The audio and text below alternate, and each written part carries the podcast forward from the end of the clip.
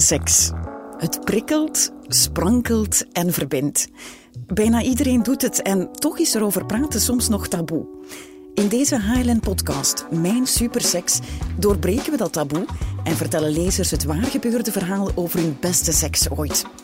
Onze journaliste, Roxanne Welles, noteerde hun ervaringen en kreeg toestemming van de vertellers om hun verhaal ook te laten inlezen door onze stemmen.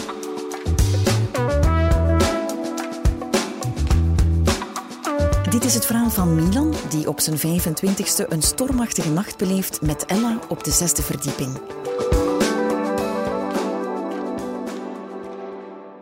Mijn superseks, dat was met Ella. Een kennis. We hebben maar één keer seks gehad, maar die was beestig goed. Ella en ik zaten in dezelfde vriendengroep. We waren prille twintigers en hadden nooit veel contact. Soms een blik of hier en daar een scheef lachje, tot we samen met onze kameraden naar een festival gingen.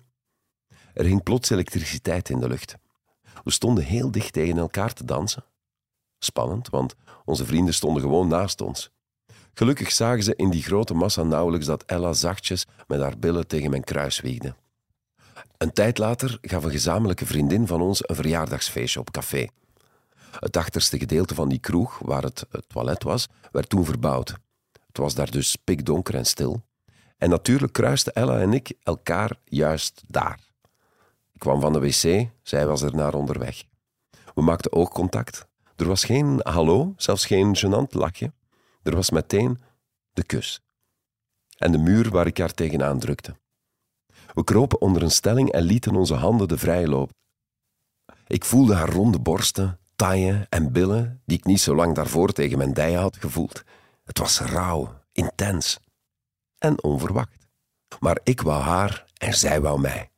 En we wisten het van elkaar. De jarige had zacht uitgedrukt een glaasje te veel op. Ella en ik bleven als laatste om voor haar te zorgen en brachten onze dronken vriendin thuis. Toen waren we alleen. Voor de eerste keer ooit. Afgezien van die kus eerder die avond dan. Kom je met mij mee naar huis? vroeg ik.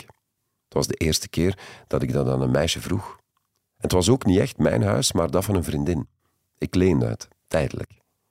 En geloof mij, het was niet mijn bedoeling om daar seks te hebben, maar soms loopt het leven net een beetje anders dan gepland. Het regende pijpenstelen. Wij liepen samen onder een paraplu in stilte. Het was geen vervelende stilte, maar geen van ons wist wat te zeggen. We ademden zwaar. Ze had mijn arm stevig vast en ik kuste de kruin van haar hoofd. Ik deed de voordeur open. Een moeilijk slot. En dan was er nog de lift.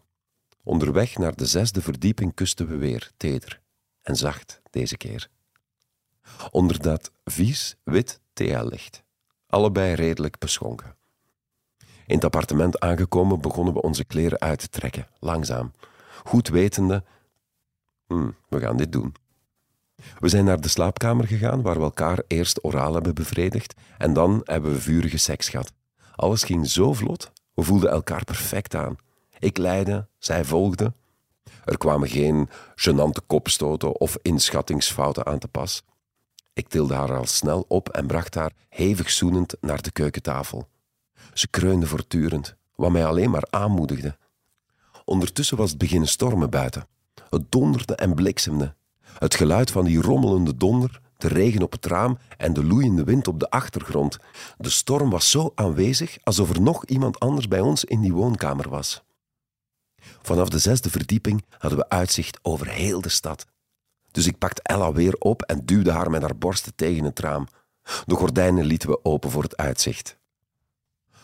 We hadden binnen geen licht aangestoken, zodat de buren ons niet zouden zien. En zelfs al hadden ze dat gedaan, het had ons niks uitgemaakt. Ik kuste haar schouder en nek, streek zacht met mijn vingertoppen langs haar arm naar beneden. Er trok een siddering door haar lijf voor ze mij in haar trok. Ik zag haar zachte huid, haar mooie, losse haren en dan een donkere stad, verlicht door duizenden kleine lampjes en af en toe een bliksemschicht die de hemel in vuur en vlam zette. Zo'n straffe seks en dan nog eens zo'n uitzicht, man, dat, maak je maar één keer mee in je leven. We gingen zo op in elkaar en het moment en de storm dat we versmolten. Ze draaide zich om, ik ging op de vensterbank zitten en zij schoof op mijn schoot. Er volgde een climax voor ons beiden, bijna perfect getimed. Maar we waren nog lang niet klaar. Voor de tweede ronde gingen we douchen. Ik vind het altijd fijn om dan een stap terug te nemen en eerst gewoon te kijken. daar stond ze dan, een, een bezweten Venus van Milo, haar ogen dicht, een blos op haar wangen. Op dat moment was er niemand anders in de wereld. Onze seks toen was zachter en liefdevoller dan eerder. We deden het rechtopstaand tegen de douchewand. Zij boog voorover, doggy. Ik pakte haar op. Zij sloeg haar benen rond mijn middel en voor een laatste keer omsloot ze mij met haar warmte. We zijn uitgeteld op het bed gezakt. Ze is in mijn armen in slaap gevallen. De volgende ochtend hebben we samen ontbeten, maar daarna is ze naar huis gegaan. We hoorden elkaar nog af en toe en spraken ook nog een keer af, maar die spanning was weg. Dus ja, het bleef bij één one-night stand. De beste seks van mijn leven.